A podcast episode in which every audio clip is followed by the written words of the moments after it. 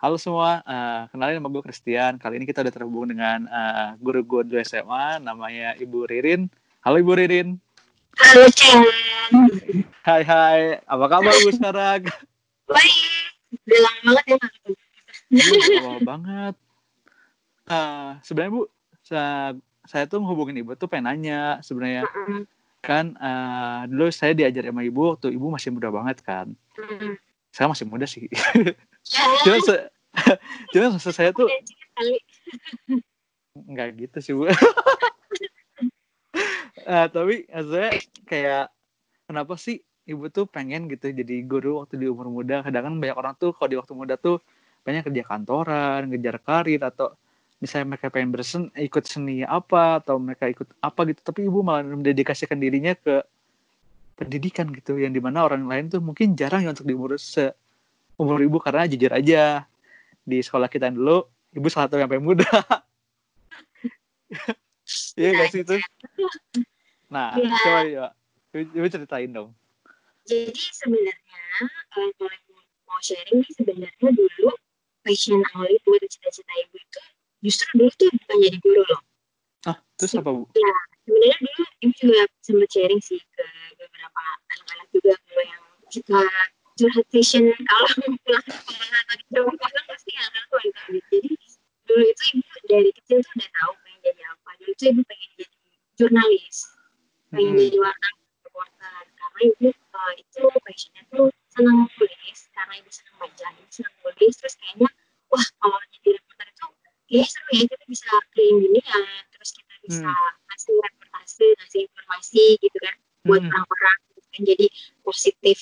Um, jadi dulu pas SPMB ya, zaman dulu ibu SPMB ketahuan Hmm. banget ya kalau ngomong. Bukan SPMB Oke. PTN, kita beda gap ya beda beda. Jadi dulu itu ibu pilihan pertama justru jurusan jurnalistik gitu. Hmm. Terus pilihan keduanya baru jurusan biologi sama Mm-mm. jurusan ketiganya biologi karena ibu ngambilnya IPC kan. Eh, Mm-mm. ibu anak kita yang ngambil jurusan IPS untuk SPMB-nya. Nah jadi Hmm. singkat kata ternyata jalannya bukan ke situ dan ternyata Tuhan itu mengarahkannya ibu untuk masuk ke pilihan yang kedua untuk masuk ke pendidikan biologi. Nah itu Mm-mm. sejarahnya kenapa pada akhirnya ibu ngajar. Jujur aja waktu itu eh, pas awal diterima SPMB ya bersyukur sih. Cuman kan bukan Hmm. pilihan pertama kan. Nah Hmm. Makanya dari situ ibu juga belajar sih setelah ibu eh, mulai kuliah menjalani itu ternyata kok em, pendidikan biologi yang which is nanti jadi guru itu Mm-mm. fun juga ya apalagi abis ibu praktek ngajar di salah satu sekolah negeri gitu kan di Bandung Mm-mm. uh, ternyata tuh ibu seneng gitu kalau waktu sharing di kelas sama murid-murid sama anak-anak gitu kan terus Hmm. after kelasnya kadang mereka masih ada yang ngobrol-ngobrol nanya-nanya curhat-curhat Hmm. Hmm. oh ibu menikmati itu ya jadi ada sebuah proses karena kadang jalan hidup kita tuh kadang nggak seperti yang kita bayangkan gitu maksudnya kita punya Hmm. rencana A, B, C, D tapi ternyata mungkin Tuhan tuh punya rencana lain yang justru pas kita udah jalani oh iya ya ternyata ini tuh a way better daripada yang kita rencanain jadi itu kayak Hmm. titik balik gitu loh dari situ baru ibu mulai menyadari bahwa oh ternyata uh, ibu tuh seneng ya jadi guru gitu. Ternyata ini ya Hmm. maksudnya kenapa ibu masuknya ke jurusan pendidikan biologi dan akhirnya Hmm. jadi guru. Kalau nggak jadi guru kan nggak ketemu kalian kayak UCN Iya, di sekolah. Gitu deh kira-kira. Heeh, oh tapi itu sejarahnya. tapi eh, kenapa pengen biologi sih bu? Kenapa pengen jadi guru biologi gitu? Kenapa nggak guru yang lain gitu? Eh, karena ibu tuh lagi pak tapi jujur aja pelajaran yang ibu suka itu Hah? biologi oh oke Karena- Iya, karena itu apa ya lebih relate sih kayaknya sama kehidupan sehari-hari. Nggak tahu sih karena mungkin ibu tipenya seneng sama alam ya. Jadi kan ibu suka kayak Mhm. jalan-jalan ke gunung ke mana gitu, seneng lihat yang Hmm. eh, seger-seger gitu kan. Jadi Hmm.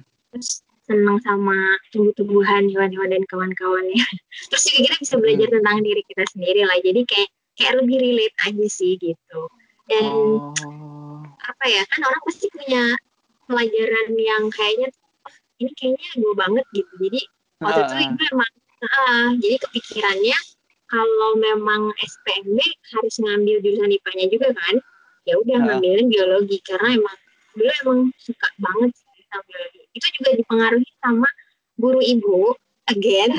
guru ibu waktu SMA itu beliau itu ini sebutin lah namanya ya ada guru ibu namanya waktu di SMA namanya Ibu Aneng beliau itu Ah. jadi salah satu panutan lah role model banget cara beliau ngajar tuh asik banget terus eh, apa ya deket lah sama murid-murid jadi itu yang bikin Hmm. enjoy belajar biologi mungkin itu juga sih jadi Hmm. pengaruh ya kalau misalnya guru kita enak mungkin belajarnya lagi udah jadi lebih enjoy gitu aja sih jadi gue suka Hmm. biologi Oh, oke oke. Nah, kan jadi guru tuh nggak gampang ya, Bu.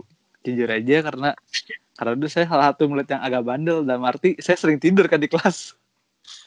tapi semester saya wow buat progres Oh, iya sih.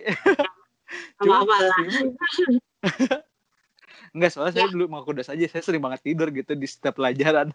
iya itu tahu ibu juga harus lihat Nah, gimana tadi iya. Nah, ibu gimana sih cara nggak handle ob- eh, tantangan kayak gitu gitu? Dalam arti kan, Hmm. kalau marah juga susah ke anak murid. Di mana mungkin yang dulu ibu ngajarin anak SMA ya, yang di mana tuh bisa aja murid bisa marah balik. Hmm. Atau enggak, gimana sih ibu ngajar, eh ngedidik mereka karena kan pasti beda ya tiap tingkatan tuh buat ngedidik setiap orang tuh. Nah, untuk ibu dulu tuh waktu ngajar SMA tuh gimana sih cara ngedidik setiap murid yang ada tuh bu?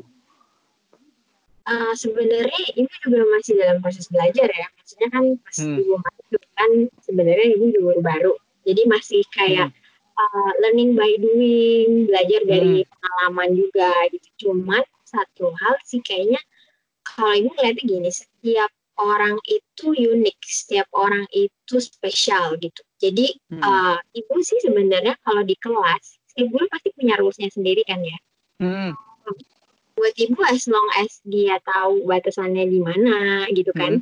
Dan karena ibu tahu ini anak SMA jadi kalau menurut ibu sih porsinya itu bukan kita jadinya harus marah-marah kayak gimana ya tapi kalau Hmm. ibu sih berprinsip kayak diingetin ya secara eh, apa ya kalau diingetin sekali masih belum bisa mungkin diajak Hmm. ngobrol gitu loh karena apa ya kan ibu selalu bilang kalau di kelas ibu anggap kalian udah dewasa karena udah SMA ya kan beda jadi better tuh ibu biasanya ngajakin anaknya nih kalau misalnya ada satu anak yang unik banget ya misalnya. Hmm. Ah, mau Teman saya tuh. gitu. Misalnya kayak, itu ibu ingat banget ibu pernah ngajak saya ngobrol nih karena ibu tahu eh, pernah ngantuk ya ini sebagai contoh aja karena CN yang eh, waktu Nggak apa-apa, waktu. CN ngantuk kan ibu juga ngeliatnya gini kita itu kemampuan konsentrasi kita tuh kan nggak bisa lama ya apalagi di sekolah lah dari pagi sampai sore hmm. ya murid capek. Ya guru juga sama kan. Kita sama-sama ada eh, limitnya lah untuk kita bisa fokus konsentrasi buat belajar kan. Hmm. jadi dari situ juga apalagi kalau misalnya jam pelajaran terakhir gitu kan udah ngantuk udah pengen pulang nunggu-nunggu bel.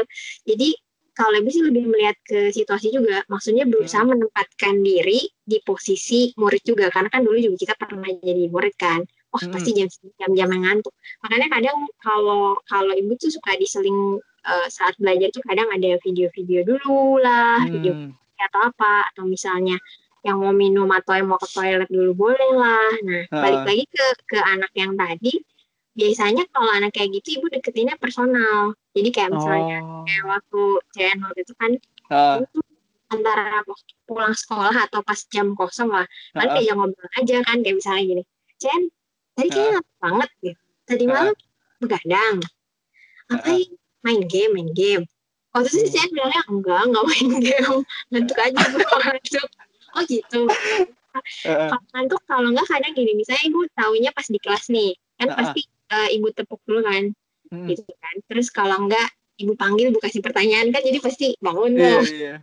Tapi biasanya kalau yang ngantuk banget, ibu izinin suruh ke toilet dulu. Jadi kayak ya udah biar ke toilet cuci muka biar seger sama jalan jalan keluar kan asal jangan ke kantin tapi beloknya ya biasanya pada belok ke kantin itu jadi biasanya tuh eh, ibu kasih izin dulu untuk Heeh. untuk untuk ke keluar ke toilet tuh jadi biar mereka peredaran darahnya lancar lagi kan jadi bisa fokus Hmm. lagi gitu kecuali Hmm. kalau di luarnya kelamaan pasti dicariin ini ke mana nih pasti jalan-jalan kantin satu dua tiga semua disamperin Ya, kayak gitu lagi. maksudnya beda lah ya pendekatannya untuk eh, remaja untuk SMA Hmm. jadi kalau ini sih lebih ngelihatnya dilihat dulu nih anaknya emang apakah memang dia ngantuk karena mungkin kurang tidur apakah malam begadang ngerjain PR atau begadangnya karena nonton atau main game Hmm. yang itu di, di diajak ngobrol aja sih. Kadang kalau dengan cara kayak gitu tuh anak-anak tuh lebih lebih open aja. Nanti tiba-tiba Hmm. malah jadi cerita sendiri oh kayak gini bu saya tuh sebenarnya gini gini gini gini. Padahal Nah, ibu nanyanya nggak yang gimana banget ya tapi mungkin mereka juga uh, butuh orang untuk share kan. Kadang cuma butuh orang yang mau dengerin doang. Gitu. jadi kalau menurut ibu tuh kesulitannya pasti ada lah uh, pas Mm-mm. awal jadi guru tapi seiring berjalannya waktu terus sering diskusi juga kan pasti sama guru-guru yang Ah. lain eh kalau kalau misalnya kalau CNT gimana nih kalau di pelajarannya Miss atau di pelajarannya Ah. Bapak gitu kan pasti ada Ah. lah sama. jadi biar tahu oh ternyata tuh dia tuh gini gini gini gitu Hmm, Tapi- hmm. kalau kalau kalau ibu sih lebih ke uh, kita jangan being judgmental lah sama orang gitu karena kita Mm-mm. sendiri maksudnya guru sendiri pun kita juga bukan kita tuh manusia biasa juga. Maksudnya kita berproses dan justru guru itu juga belajar dari murid-muridnya. Jadi kalau dibilang ah kayaknya cuma murid doang yang belajar enggak sih. Sebenarnya guru juga terus-terusan belajar gitu dalam hal karakter. Hmm. kalau pengetahuan iya ya cuman kayak dalam hal pengembangan karakter emosi dan lain-lain. Kita juga belajar loh dari kalian. Gimana Oh, cara iya dong anak ini tuh hebat banget ya misalnya ada yang dia struggle sendiri gitu di sekolah hmm. uh, bisa belajar berusaha mati-matian belajar misalnya sementara kayak kondisi keluarganya tuh sebenarnya uh, nggak memungkinkan dia untuk bisa belajar dengan baik tapi dia mau berusaha atau ada juga kan yang sekolah sambil jualan kan banyak tuh Iya, yang dulu iya. itu salut banget sih berarti dari sejak muda tuh kalian udah bisa apa ya berjiwa entrepreneur gitu jael kayak gitulah kira-kira Mantap, Bu. Tapi Ibu dulu inget gak sih? Kan dulu kan eh, kita berempat nih, saya sama tiga teman saya nih. Iya betul Yang ternyata kita ini masuk terakhir di ranking bawah seangkatan. Iya, iya. Pusing gak sih Ibu, Ibu sebagai wali kelas kita? sebenarnya kalau ditanya pusing atau enggak tuh ibu lebih ke gimana ya concern aja karena gini guru apalagi waktu itu kan wali kelas juga kan. Eh itu tuh ada perasaan tuh di mana kalian tuh anak-anak ibu gitu di sekolah. Gimana sih rasanya orang tua Hmm. yang anak-anaknya tuh eh, perlu ekstra diperhatikan gitu kan? Hmm. Em, ibu nggak pernah menuntut setiap murid itu akademiknya harus bagus. Nggak karena setiap orang itu pasti punya kemampuan talenta yang beda-beda kita nggak bisa ngarepin istilahnya ya biologi semua Hmm. dapat bagus dapat K misalnya enggak Hmm. karena ibu di kelas juga menyadari bahwa semua orang itu kemampuannya beda-beda misalnya ada satu temen CN yang satu ini kan dia wah talented banget di bidang musik kan Iya, betul. nah Setuju sekali. Iya, jadi buat ibu tuh gimana ya? Eh, kalian nanti saat lulus terus nanti kerja, semua itu bukan hanya berdasar nilai akademik kan, bukan karena Hmm. oh IPK-nya 3, sekian, oh lulusan dari mana? Hmm. Ya penting nggak sih itu? Ya penting juga, cuman maksudnya bukan itu yang utama dalam hidup. Jadi lebih ibu tuh lebih utamain melihat oh sebenarnya anak ini walaupun misalnya rankingnya Hmm. di bawah, tapi sebenarnya dia Hmm. punya skill yang itu tuh ke depannya ibu mungkin nggak bisa lihat pada saat itu ya pas dia masih jadi Hmm. murid tapi ibu tuh yakin bahwa one day tuh dia bakal sukses dengan caranya sendiri. Gak tahu sih kalau ibu memandang setiap anak itu tuh kayaknya tuh mereka memang punya sesuatu. Jadi kalau pertama ibu jadi wali kelas tuh udah ngeliat oh A B C D C ini ini ini anak ini anak ini Hmm. anak. Oh kalau dia lebih ke musik dia lebih ke olahraga dia lebih ke art dia lebih ke film gitu ya kayak CN kan? Ya kayak gitu. maksudnya kelihatan passion anak-anak tuh makin lama makin kelihatan jadi waktu ada anak Hmm. yang um, misalnya dia rankingnya di bawah, memang secara Hmm. akademik sekolah itu bertanggung jawab lah ya untuk uh, ke depannya anak ini nanti gimana. Makanya Hmm. kalau ibu dibilang pusing, ya sebenarnya lebih ke concern sih gimana ya orang tua kalau anaknya kayak gitu, apa yang bisa uh, saya bantu sebagai seorang guru atau wali kelas gitu. Karena kita juga orang tua di sekolah Hmm. kan. Jadi ibu lebih ke ya kalaupun misalnya di sekolah hasilnya seperti ini bukan berarti Hmm. nanti saat mereka kuliah atau kerja akan seperti itu terus enggak. Makanya kalau ibu sih lebih eh, caranya itu lebih mendorong memotivasi anak-anak ini supaya at least mereka nyoba lah. Makanya kalau misalnya ya udah ini main di bawah gimana? At least KKM kan kayaknya ibu sering mengulang-ulang deh. sekalian KKM Iya, aja iya benar. remedial, remedial.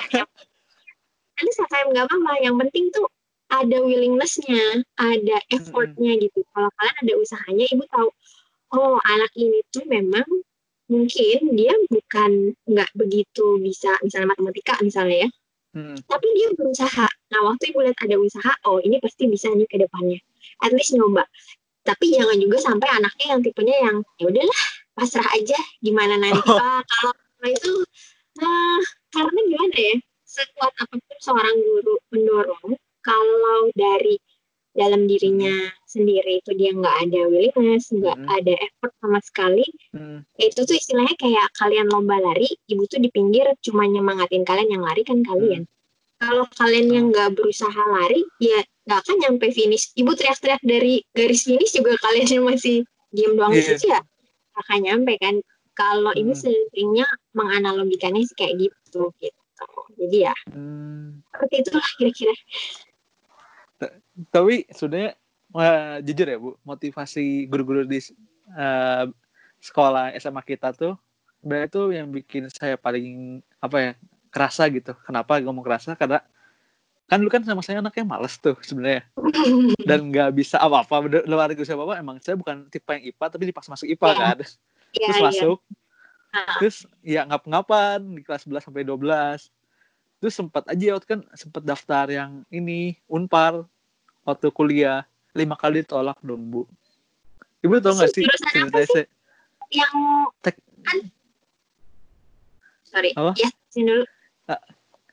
saya itu eh, nyobain ke eh, unpar eh, unpar bu unpar dulu sebelumnya Oh iya. swasta ah, ah.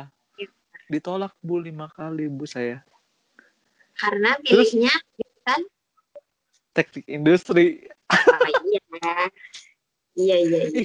tapi teman saya yang jago musik itu masuk bu Iya memang kan dia di sono. iya ya Nah, sudah lah. Kan Chen udah beres. bener nah waktu saya nyobain unpad nah saya juga masuk kan nah sejak itu Hmm. saya mulai berubah Hmm, dulu kan iya. saya anggap dulu motivasi eh, guru-guru semak- eh, guru-guru sekolah saya SMA tuh kayak Hmm. aduh paling cuma ngomong doang gitu Hmm, pas udah pas saya nyobain masuk unpad kayak wah enggak nih kayak gue bener bisa kalau gitu Iya. Nah, puji Tuhannya saya ngikutin kata-kata guru-guru saya semak dua di semak dua dulu Hmm. nah udah udah ngikutin tuh kayak tau nggak ibu kemarin saya lulus IPK-nya berapa bu Empat bukan kan? Hah? Empat kan ya? Apa? Empat bukan sih? Enggak, Waktu enggak. enggak enggak. oh Yang mau enggak itu kan belum lulus Oh itu belum. Iya iya iya. Berapa Iya. berapa? saya lulus 3,66 udah cum laude padahal dulu kelas 11 tuh saya anak-anak terbawah gitu loh di angkatan Nggak masalah, nggak masalah. ternyata Itu yang dulu kata Mm, yang dulu kata anak-anak eh kata guru-guru di SMA tuh ternyata tuh semua orang bukannya eh, nggak bisa tapi mau nggak mau aja. Kalau mau mah pasti Iya. bisa gitu. Iya nggak sih? Iya tuh kayak saya salut banget sama guru-guru SMA dua. Ya ini kalau nggak saya nggak berubah bu. Ternyata eh, apa ya? Usaha tidak mengkhianati hasilku. Ini nih CN contohnya ya Hmm. teman-teman. Bisa dicontoh? Betul betul betul betul. Nah eh, balik ke topik kayak gitu Iya. oke tadi curhat dikit silakan silakan siap bu Eh, nah kalau Nah, ibu kan setelah dari Semak 2 tuh ibu ke mana sih sebenarnya? Kan ada kemarin tuh dengar ibu sempat keluar dari Semak 2, terus ibu ke mana sih sebenarnya? Jadi sebenarnya kan setelah ibu keluar itu karena kan ibu menikah kan, menikah dan harus suami ke Jakarta. Nah, jadi ibu di Jakarta dulu sempat off ngajar dulu setahun karena. Nah, ibu harus menemani mama mertua juga kan karena waktu itu Hmm. mama mertua eh, dipanggil Tuhan jadi Mm-mm. ibu juga belum bisa kerja karena kan suami kerja gitu jadi ada satu tahun masa off dan setelah itu tahun depannya ibu sempat ngajar di salah satu sekolah swasta di Jakarta Mm. jadi ibu masuk ke dunia mengajar lagi gitu ternyata nggak Hmm. bisa jauh ya dari sekolah dan anak-anak gitu deh Oh, terus itu ibu ngajar sekolah tingkatan berapa, Bu? Hmm, jadi di sana itu sekolahnya kebetulan kurikulumnya jadi luar ya. Eh, itu ibu Hmm. ngajar kelas 9 ngajar eh, combined science nama pelajarannya Hmm. terus ngajar kelas 10 ngajar biologi. Ya, Oh, nggak mungkin kan bu jadi ngajar fisika nggak mungkin kan? Ya, siapa tahu sih, Bu. siapa tahu cross gitu. Ada sih ada ngajarnya juga dikit tapi kelas 9 ngajar. Ya, fisika kelas Oh, 9. oke, oke. Nah, ada nggak sih, Bu, kesulitannya pas ngajar ah, kelas 9 sama waktu yang SMA kan beda tuh ya pasti. Apalagi dengan bedanya umur, pasti tingkat kedewasaan mereka mungkin beda ya. Dan mungkin ibu juga pakai treatment yang berbeda gitu. Coba Bu, ibu boleh jelasin nggak? Eh, jadi sebenarnya kalau kelas 9 itu kan masa peralihan ya, peralihan dari mereka SMP Hmm. ke SMA gitu kan. Jadi eh, sebenarnya mereka lebih aktif banget kan Hmm. masa-masa eh, peralihan itu biasanya mereka masih mencari jati diri lah ya. Hmm. Dan juga kadang masih ada sisi anak-anaknya juga tapi basically sih kalau misalnya kayak eh, gimana sih kok caranya untuk ngajar anak-anak kelas 9 basically sih sama aja yang pertama tuh kalau kalau ibu selalu di awal tuh kayak eh, dalam satu kelas itu semua anak itu Hmm. adalah unik semua anak itu adalah istimewa yang penting tuh mereka Hmm. dikasih kesempatan dan pasti di awal kasih tahu rules di kelas itu gimana gitu. jadi biar mereka tahu bahwa oh kalau di sekolah itu tetap ya ada rules yang harus ditaati tapi juga kalau misalnya mereka ingin sharing atau pengen curhat sama guru di Hmm. kelas ya bisa aja gitu di luar kelas Hmm. atau uh, lainnya karena basically anak-anak pemusik itu tuh mereka seneng banget curhat lebih-lebih daripada kelas 10 atau kelas 11 gitu jadi Oh iya. jadi ada salah satu um, murid ibu yang di sana Ha. tuh bisa tuh dari awal jam pelajaran baru datang nih Ha. kan mereka kan di kelas gitu kan jadi mereka datang ke kelasnya. Jadi pas begitu datang tuh udah cerita miss miss gini miss. Kalau menurut miss iya nanya A sampai Z. Heeh. sebelum kelas mulai harus di-cut dulu. Kalau enggak nanti itu sampai terus-terusan nanya atau ngobrol. Ya kita sambung lagi ya after class ya. Oh iya ya miss. Ya, baru nyambung lagi ya unik sih. Terus apa ya kadang mereka masih um, pola berpikirnya tuh merasa kan terkadang oh mereka yang paling benar gitu ya. Terus belum lagi Hmm. kalau ada ya argumen sama teman-temannya tuh kadang dibawanya baper gitu kan dikit-dikit baper Hmm. dikit-dikit baper Iya benar benar. Sempat gitu SMP. Iya, pasti lah. Kita semua pernah ngalamin itu kan. Jadi Iya. kalau sih lebih ke pakainya, kita pakai point of view, pakai sudut pandangnya mereka lah sebagai uh, Hmm. anak remaja gimana. Jadi um, nanti at the end of the day mereka sendiri yang mau mulai terbuka dan ngobrol. Kalau urusan akademik dan lain-lain ya tetap ya itu balik lagi sama anaknya dan kita berusaha untuk motivasi mereka. Tapi basically kalau Hmm. anak-anak teenager ABG ABG ya Mm-mm. kayak gitu. Pasti curhatnya pacaran deh. Oh banyak.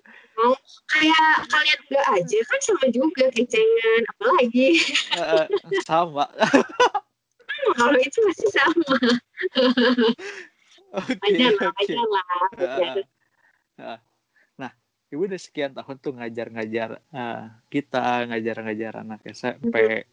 Ibu pengalaman pengalaman. Halo sorry tadi suaranya Iya. boleh diulang lagi tanya ngajar ah, kita ngajar anak SMP mengajar ibu yang paling berke- berkesan banget gitu bu Oh, yang paling berkesan yang mana gitu? Hmm, hmm. Oh. kayak apa sih bu ceritanya Eh, kalau berkesan sih menurut ibu semua kelas, semua anak, semua sekolah Hmm. yang pernah eh, ibu alamin itu semuanya berkesan dan punya cerita yang masing-masing gitu. Hmm, Jadi apa ya maksudnya semua sih berkesan buat ibu karena dari Hmm. kalian semua, dari murid-murid gitu ya, dari sekolah yang mau Hmm. Itu tuh kayak memperkaya pengalaman ibu sebagai seorang guru mengajar apa ya kayak mengajarkan ibu sesuatu gitu. Menambah em, apa ya bikin kita tuh jadi jadi tambah mengerti akan kehidupan Caela maksudnya tuh jadi bikin kita tuh jadi kayak oh ternyata inilah yang bikin kita tuh kangen ngajar kalau buat ibu sih saat ada anak yang hmm, bukan anak yang nilainya oh tiba-tiba nilainya jadi bagus gitu atau nilainya bagus terus gitu. Bukan itu sih Hmm. kalau ibu sih lebih ngeliat ke anak yang eh one day ada anak yang dia nulis sesuatu.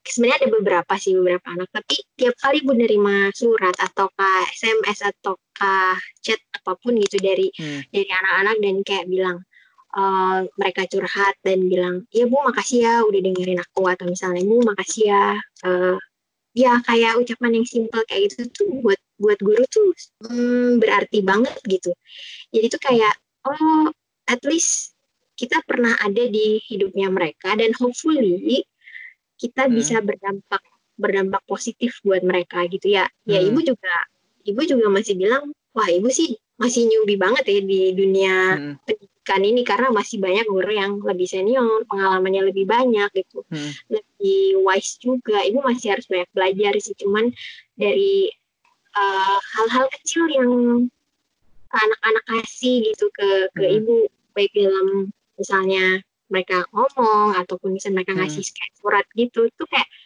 eh, berharga banget kan buat ibu tuh kayak surat-surat dari kalian tuh kayak yang dulu kan ibu pernah minta ya waktu terakhir hmm.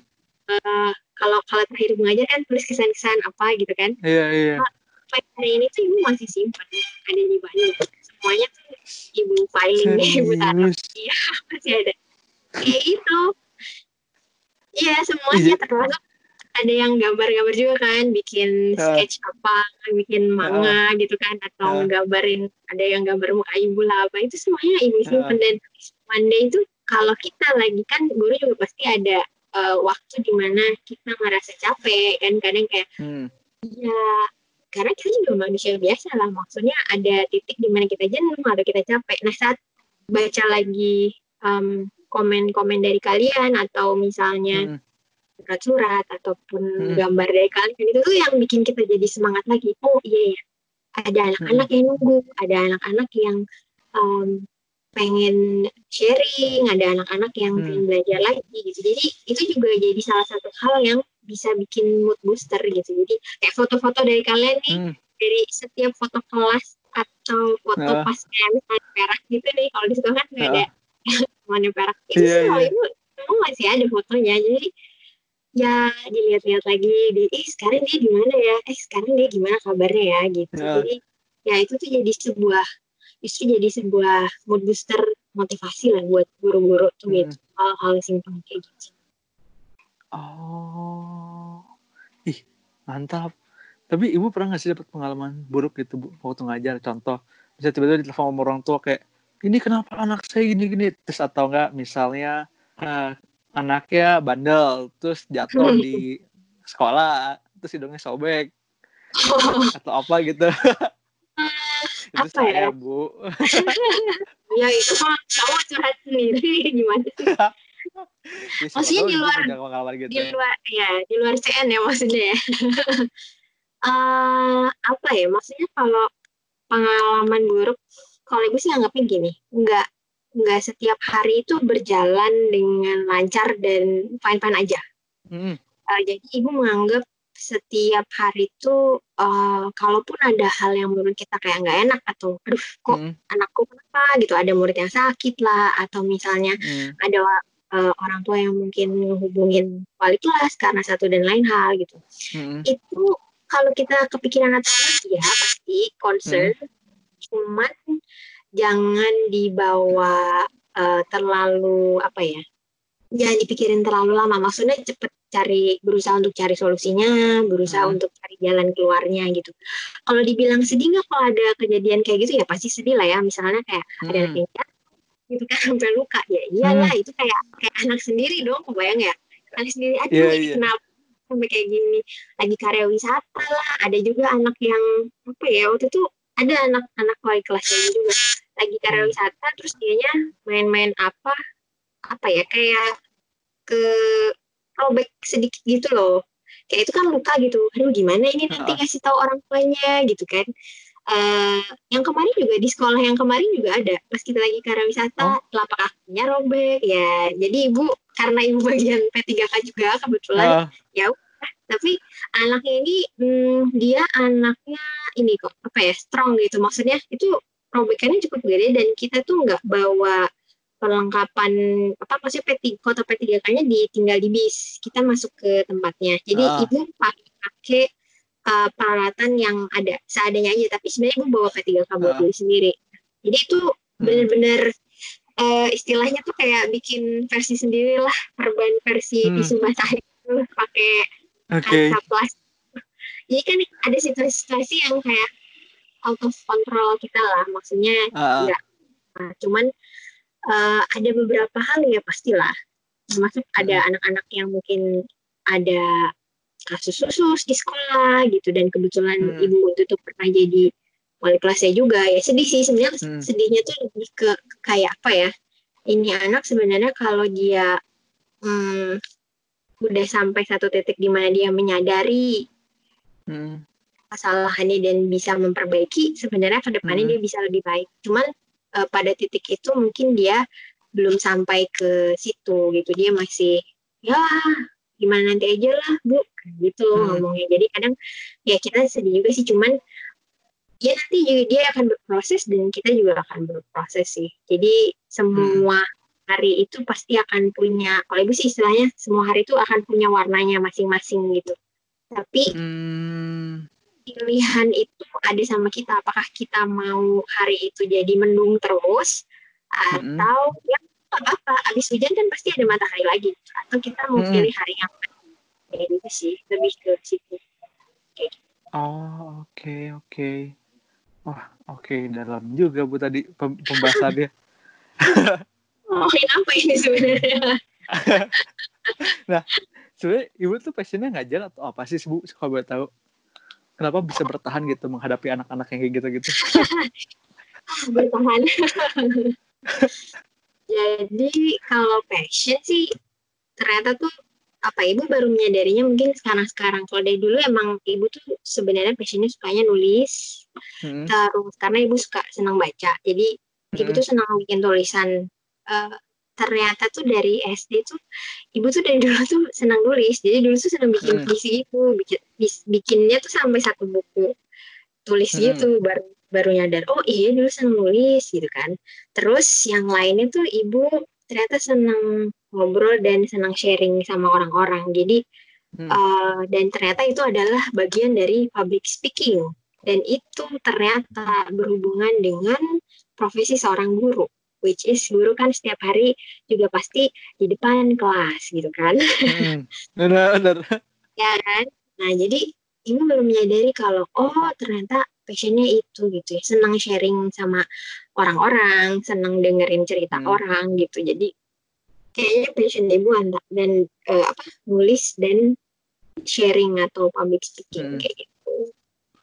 Oh oke, okay. berarti selain lari pagi, ibu sukanya ya? Masih inget ya lari pagi di sering lari pagi kan, kan waktu kelas. Iya iya iya. iya. betul betul. Di sini susah mau lari pagi susah kan? Senayan, eh iya Senayan itu tuh which is tuh itu jauh sih ibu ke sana paling ya sebulan berapa kali lah sisanya ya oh. di rumah aja olahraga di rumah atau berenang aja berenang ih mantap ih kemarin berarti kan Jakarta kan sempat banyak kolam tuh. Iya, iya benar-benar. Mungkin Januari. ada eh, di TV nggak ada sih, ibu nggak Hah? di situ. Nggak nggak nggak berenang di perahu karet tuh. Nggak nggak. nggak. Oke. nah, eh, kan sekarang ibu udah nggak ngajar lagi nih. Iya. Kalau ada kesempatan ibu mau ngajar lagi nggak sih bu? Terus mau ngajar tingkatan apa bu? Kalau boleh tahu. Atau mau nyoba tingkatan baru ke atau gimana? Eh, kalau ada kesempatan lagi ya pasti ibu masih ingin ngajar lagi ya. Ngajarnya kalau ditanya tingkatan berapa ya mungkin sama lah kisarannya kayak kemarin lah ngajar SMA atau kalau Hmm. enggak kelas 3 SMP gitu karena kan Hmm. dulu gitu eh mostly spesifiknya kan di SMA ya. Kalau di SMP itu sebenarnya lebih ke eh, IPA lah gabungan Mm-mm. karena di situ ada ada kimia dan ada eh, fisika juga. Jadi Hmm. kalau misalnya nanya masih mau ngajar masih mau ngajarnya Hmm. ngajar lagi ngajar ngajar ABG gitu. Hmm. Biar tetap muda ya terus.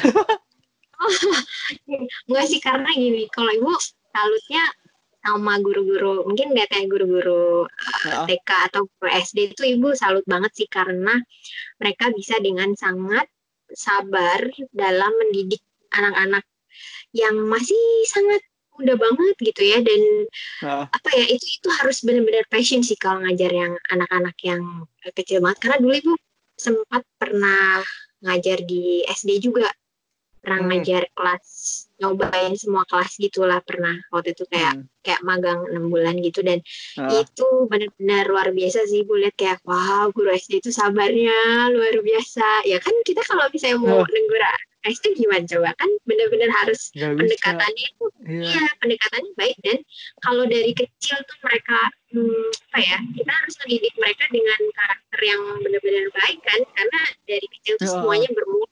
Kalau kalau SMA kan istilahnya ini anak udah jadi eh, orang yang hampir menjelang dewasa gitu ya udah bisa Hmm. bikin keputusan sendiri kan bisa diajak diskusi. Nah kalau anak kecil kan belum. Jadi ibu salut sih sama guru-guru TK dan SD. Makanya kayaknya ibu lebih memilih ya baiklah mengajar teenager saja. Ih, tapi gue setuju gitu. Gue nggak tahan anak kecil lah, sumpah. Nggak sabar. Sabar Sen. One day nanti kamu jadi bapak-bapak loh. Lah. Kan ada nyokapnya bu. Oh, Aduh, gawat jadi ini. bokap. Harus, harus ngasih tahu ini sama calon CN. Wah, wah, wah. Aduh, aduh. Nah, ibu ada inceran khusus nggak sih bu? Kalau mau ngajar di mana? Kayak misalnya mau coba ngajar di luar negeri nih. Atau mau di kota eh, Bengkulu atau Balikpapan atau kota Palu gitu kan siapa tuh ya? Siapa tuh kan Iya, punya punya impian sendiri gitu di di setiap Ada nggak sih, Bu? seben- ya, sebenarnya kalau impian itu pasti ya masih ada. Maksudnya ibu tuh hmm, kalau misalnya di kota mana gitu untuk saat ini ya secara Hmm. realistis sih ibu tetap di Jakarta dulu karena kan status ibu kan sekarang sudah menikah gitu ya, sudah punya keluarga sendiri, sudah punya tanggung jawab sendiri. Jadi eh, nggak mungkin pindah ke kota lain gitu. Tapi kalau untuk impian ke depan pengen ngajar di mana, sebenarnya ada satu buku yang bikin ibu tuh jadi tertarik untuk ngajar dan pengen sekolah lagi sih sebenarnya pengen sekolah Hmm. lagi keluar gitu. Ada satu negara yang eh, kalau CN juga pernah baca, Hmm. salah satu negara yang eh, hasil tes PISA-nya itu kemampuan membaca eh, apa berhitung gitu kan analisisnya Hmm. bagus itu Finlandia. Nah dan di Hmm. Finlandia baca bukunya eh, bagaimana metode mengajar mereka di sana. Hmm. Mereka itu sebenarnya jam sekolahnya tidak Hmm. selama kita di Indonesia. Jadi Hmm. istilahnya mungkin punya 6-7 jam gitu ya. Dan Hmm. mereka eh, jarang dikasih PR. Pasti oh bahagia banget PR gitu kan. Wow, Tapi saya pengen pindah. kan, wah menginspirasi untuk pindah. Dan ya ya dan juga eh, tapi mereka punya metode yang bagus karena maksudnya sistem pendidikannya itu dari sejak awal mereka Hmm. udah bikin sebuah sistem yang bagus. Jadi dari kecil tuh anak-anak udah belajar berpikir secara kritis, analitis gitu. Jadi mereka dari kecil tuh uh, bukan lagi dijejalin sama apa ya hafalan beda ya, Hmm. tapi mereka lebih Iya. punya kemampuan menganalisis dari sejak kecil. Jadi kayak misalnya ngelihat, oh kok daun warnanya hijau, kenapa ya hijau? Nah, waktu Hmm. anak nanya kayak gitu, gurunya tuh akan memfasilitasi untuk, ayo kita cari tahu yuk gimana. Itu tuh dari anak yang sejak kecil gitu. Dan ini tuh Oh. sebuah metode yang bagus dan menarik sih. Membuat belajar itu jadi menyenangkan, bukan Iya. bukan sebuah beban gitu. Jadi orang akan mengeksplor eh, masih ingat ini kan ya eh, metode ilmiah kan ya CN ya. Iya, iya. Baru kan Ya, baru lulus soalnya. kan tuh gimana orang tuh pertama-tama berpikir tuh eh, karena ada masalah kan segala sesuatu dimulai dengan masalah kan terus Hmm. orang bikin hipotesis terus cari sumbernya terus mereka Hmm. bikin percobaan sendiri kan oh ternyata tuh punya kenapa warnanya hijau? Oh ternyata dia punya zat hijau daun misalnya punya klorofil jadi dia warnanya hijau. Tapi apakah semua daun hijau? Oh enggak ada yang merah. Lah, terus kalau misalnya yang merah apakah dia punya klorofil juga? Nah muncul pertanyaan-pertanyaan baru kan. Nah Ah, itu yang bikin orang tuh jadi oh antusias untuk belajar. Dan mereka juga ada jam istirahatnya lumayan lama. Dan kalau uh, ibu kebetulan lihat juga ada hmm. videonya kan. Di sana tuh ternyata waktu mereka belajar uh, dan jam istirahat istirahat tuh mereka Hmm. bisa main keluar. Terus di, ada satu sekolah yang even nyediain PS dong nyediain uh, apa tenis meja dan ya biasa lah kalau main bola dan lain-lain ya. Ah, dan juga ada uh, perpustakaan deket-deket di setiap kelas gitu atau sedia alat musik gitu jadi semua anak tuh bisa mengeksplor kalau istirahat nanti mau ngapain aja gitu kan jadi ah. oh istirahat tuh benar istirahat dan setiap mau ganti pelajaran itu ada jeda jeda dulu biar anak tuh nggak jenuh Oh. nggak bisa kayak ya langsung mepet abis ini pelajaran ini abis itu Hmm. ini abis Kita banget dong dulu. istirahat ya ya mungkin Iya. uh, ya, ya kita berharap sih ke depannya Ah, kurikulum di Indonesia ini bisa lebih baik untuk memfasilitasi anak-anak yang sebenarnya beragam gitu. Karena kecerdasan setiap anak kan beda-beda. ya. Kalau pernah baca buku juga ada ada anak yang kecerdasannya itu musik, mungkin memang Hmm. matematis logis dan lain-lain. Ada yang ke apa kecerdasan naturalis, suka sama alam kayak Hmm. gitu. Jadi mungkin ya ke depannya berharapnya sih kayak gitu. Jadi kalau balik lagi ke hmm. ada cita-cita pengen ngajar di mana sih? Mungkin ini jangka panjang banget lah ya. Selain Hmm. pengen pengennya sih one day pengen bisa ke Finlandia walaupun di sana seleksinya ketat banget sih buat uh, orang yang ingin menjadi guru itu tuh di sana minimal harus master degree harus S2 dan benar-benar ada seleksi yang ketat karena mereka ingin Hmm. uh, guru-guru yang mengajar di institusi pendidikan itu adalah guru yang punya passion, punya Hmm. knowledge yang baik, attitude, karakter yang baik, dan Hmm. bukan bukan ngajar karena terpaksa gitu. Itu sih yang Oh. membuat pantesan Finlandia nomor satu. Belum lagi mereka juga termasuk di list 10 negara yang katanya kan tingkat kebahagiaannya paling bagus gitu. Katanya Hmm. sih gitu. Oh, oke. Kira gitu. Hmm. Menarik tapi Verlan. Ya, boleh Nah. coba. Nanti Bu, kan saya kan udah nggak belajar lagi. Oh, Nggak iya, belajar iya. formal. Nggak belajar Iya, formal. iya. Jalan-jalan Nah. maksudnya ke sana. Oh, iya itu semoga secepatnya ya punya duit banyak. Ya, Ibu doain. amin amin. Nah, kalau gitu kan eh, tadi kan kita juga ibu udah ngasih tahu tuh studi di Finlandia kayak gitu. Hmm. Tapi gimana sih menurut ibu studi yang di Indonesia? Se menurut ibu parah kah atau gimana kah? Atau gimana? Soalnya jujur ya pengalaman dulu sih saya ngerasa kayak dulu gitu pengalaman di sekolah sama sekarang saya ngerasa kayak nggak tahu tuh semua orang tuh nggak harus bisa semuanya tapi semua orang tuh harus jago di dalam satu hal aja gitu. Iya. dan itu tuh yang bikin orang tuh bisa maju gitu. Kalau mereka bisa semua kayak eh, ya ya nggak bisa jadi apa apa gitu. Kan banyak tuh ya sekarang kita lulusan nggak tahu sih menurut gua menurut saya tuh banyak tuh lulusan S1 S2 tapi dia eh, dia eh, jago semua tapi master of nothing gitu Ya. jadi akhirnya ya nggak jadi apa apa gitu. Menurut ibu gimana? Itu salah salah di pendidikannya atau gimana sih? Sebenarnya, oh sih bakal jadi serius ini obrolannya. iya. Soalnya tadi udah bagus. Oh iya lanjutin. Sebenarnya kalau Hmm. ini menurut pan- eh, pendapat ibu aja sih. Jadi kalau kita lihat permasalahannya ada di mana itu bakal kompleks banget salah satunya Hmm. sistem pendidikan kurikulum itu ngaruh nggak sih iya ngaruh banget selain Hmm. dari SDM-nya juga ya SDM sistem kurikulum dan Hmm. apa ya sarana prasarana karena ya faktanya kan kondisi sekolah di Indonesia itu berbeda-beda ya. Maksudnya gini, di Indonesia itu kan ada sekolah swasta dan negeri. Mm-mm. Kita bisa lihat juga dari Sabang sampai Merauke itu belum terjadi pemerataan pendidikan gitu, baik dari segi uh, sarana prasarananya maupun SD, SD gurunya ya dan lain-lain. Mm-mm. Banyak faktor.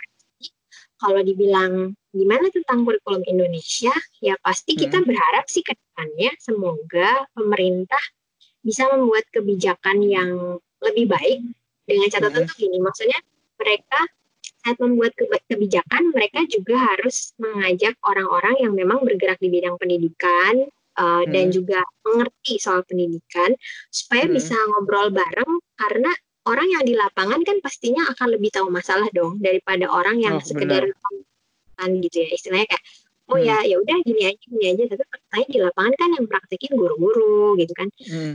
uh, sebagai sih perubahan kurikulum itu jangan terlalu cepat. Istilahnya kan kita kayak suka dengar istilah ya ganti pemerintahan, pasti ganti kebijakan gitu kan. Ganti Iya, iya. kurikulum gitu kan. Iya, iya. Saya suka YD. Ya kan? Ngalamin kan maksudnya kayak ya ya muridnya harus penyesuaian lagi, ya gurunya juga harus Ah. belajar lagi kan sebelum nyampein ke Ah. muridnya gitu. Ibu sih pernah baca sebenarnya kan kurikulum itu tuh kayak per 10 tahun itu harusnya di apa ya kita review ulang. Ini Hmm. berhasil nggak sih untuk kurikulum yang ini? Jangan Hmm. sampai belum belum 10 tahun nih tapi kebijakannya udah ganti lagi gitu. Kan oh. baiknya tuh kalau misalnya dilihat oh ternyata Indonesia dengan eh, apa ya kondisi yang sangat beragam Mm. terus sekolah juga ternyata semuanya kondisinya nggak sama ya sarana prasarana dan Hmm. SDM-nya kenapa Mm. nggak memperbaiki dulu kualitas gurunya gitu kan Hmm. dan kalau bisa kalaupun misalnya ada pelatihan-pelatihan dari pemerintah sebaiknya itu Mm. kan yang applicable gitu jangan hanya apa ya teoritis aja jadi kayak bukan hanya seminar atau ikut Mm. ini aja gitu, tapi lebih ke prakteknya gimana dan lebih ke diskusi lah ke setiap uh, guru-guru atau sekolah-sekolah yang ada di daerah jadi supaya pemerintah tahu sebelum mereka memutuskan bikin kebijakan Hmm. gitu jadi kalau misalnya ngomongin di Indonesia gimana sih ya itu tadi kompleks karena banyak faktor Hmm. yang mempengaruhi kan tapi ya pasti kita berharap sih semoga ke depannya Mm. ya akan kebijakan pendidikan yang lebih baik sih supaya eh, apa ya anak-anak itu belajar karena mereka senang karena mereka merasa oh sekolah itu fun gitu. Berharapnya sih semoga nggak jadi beban gitu. Jadi Mm. dan eh, ibu sih punya mimpinya tuh kayak gini. Memang ada beberapa sekolah yang kayak gini ya. Jadi kayak mereka itu mengklasifikasikan anak-anak sesuai dengan passionnya masing-masing. Karena ada sekolah Hmm. yang kayak metode kayak gini dan itu bagus. Kayak kan suka dengar kan istilahnya kognitif, afektif, psikomotor. Bener, bener. Iya, iya. Kan. Ada anak tuh yang dia memang senangnya tuh hal-hal yang teoritis gitu, kayak ngulik Mm. matematika. Tapi ada anak yang dia lebih kinestetik kinestetik tuh dia lebih senang aktivitas fisik ya, kayak mungkin dia jago di olahraga gitu, atau jago ngedance ya seperti Hmm. teman-teman kan pada masa itu kan Betul. ada tuh. Nah, iya kenapa nggak nggak diarahkan aja? Jadi eh, ibu pernah baca bukunya eh, Hmm. tentang sekolah yang kayak gini.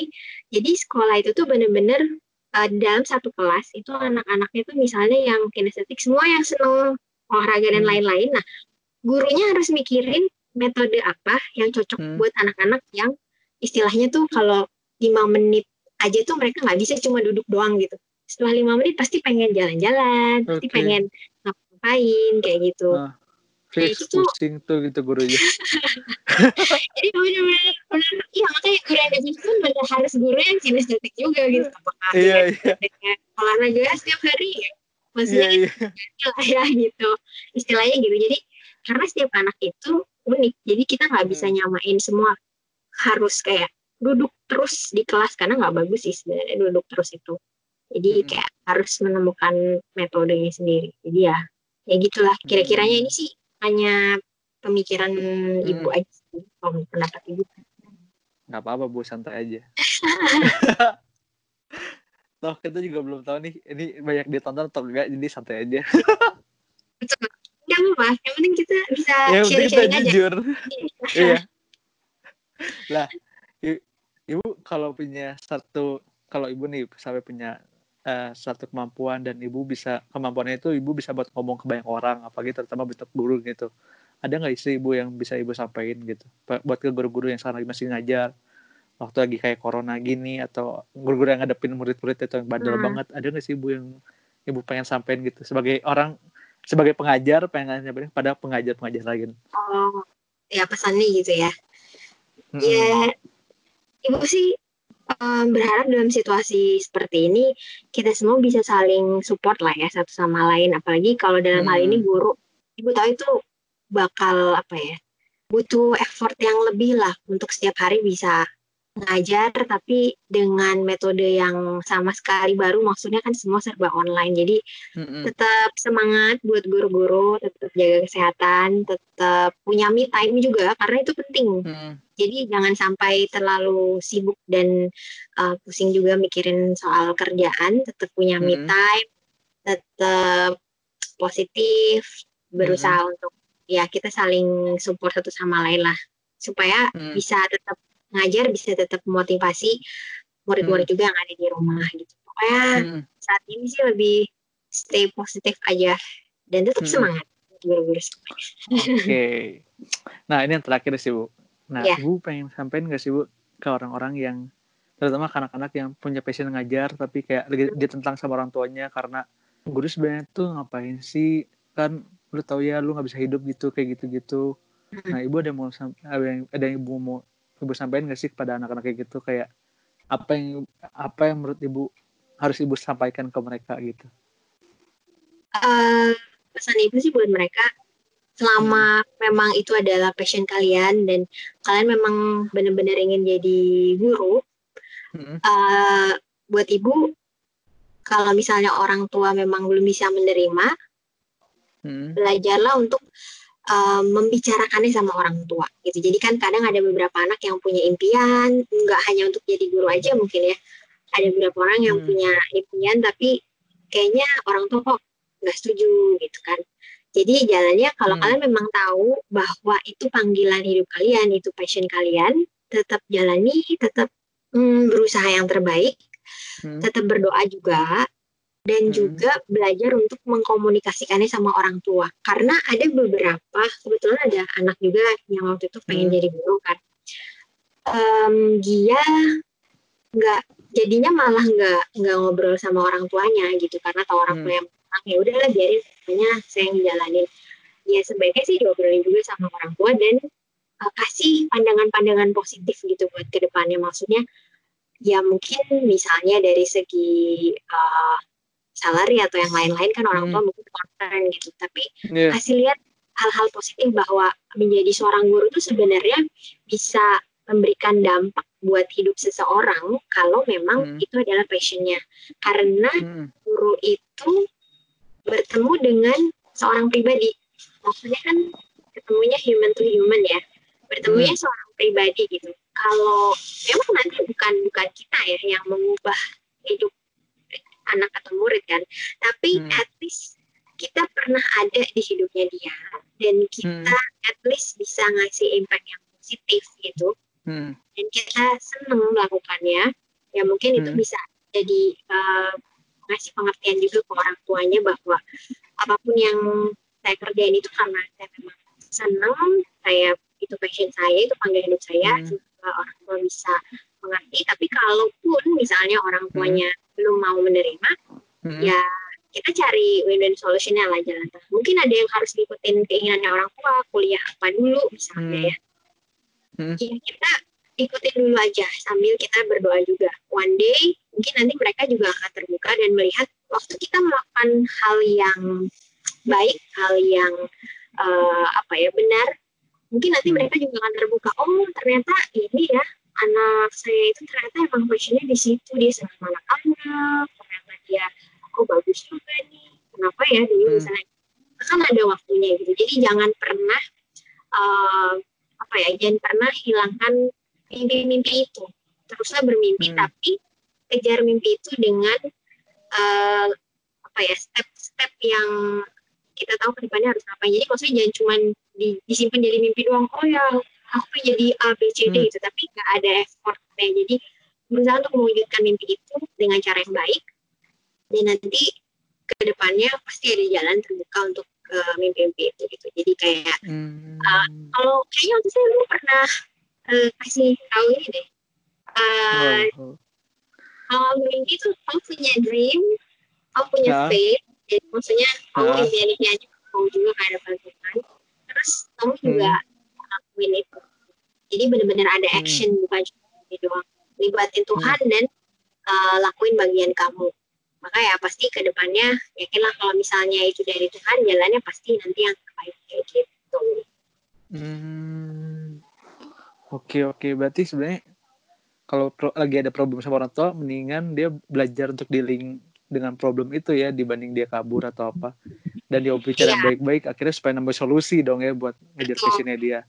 Iya. Oh. Hmm. Aduh, Ibu makasih banyak. Kita curhat-curhat. Ibu ada yang mau Ibu sampaikan lagi nggak ke orang-orang?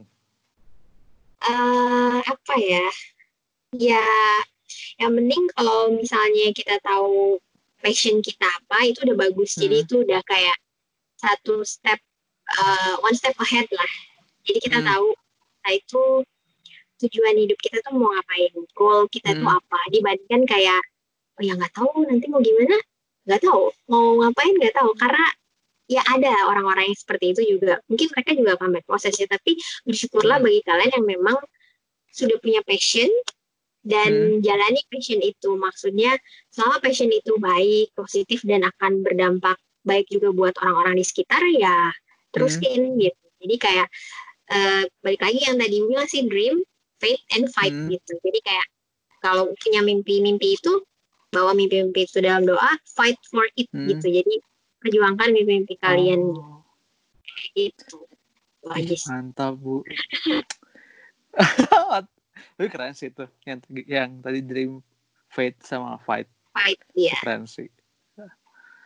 Ibu paling segini dulu aja. Maaf ganggu waktunya. terima kasih juga Ah, ah. ya ngajakin ibu Siap, makasih banyak Ibu. ya Bu, Nggak apa Bu, maaf. Maaf dulu se- sempat bandel. nggak apa-apa itu kan udah lewat Oh bener. yang penting kan CN hari ini bukan CN yang kemarin-kemarin yang penting CN hari ini lah Hmm, iya, tapi kok nggak ada yang kemarin, saya ngajar hari ini Bu. ya, iya Iya kan maksudnya move on lah move on itu Oh, kan iya, jadi iya. pelajaran kan pelajaran hidup Iya. Cila I- iya bener. Jadi saya bisa ngomong ke anak saya kalau misalnya anak saya bandel. Nah, Oh, alasan aja lu banyak alasan. asik gitu ya Oke. Ibu makasih, thank you. Dadah. sama-sama bye Ah. God bless ya God bless you.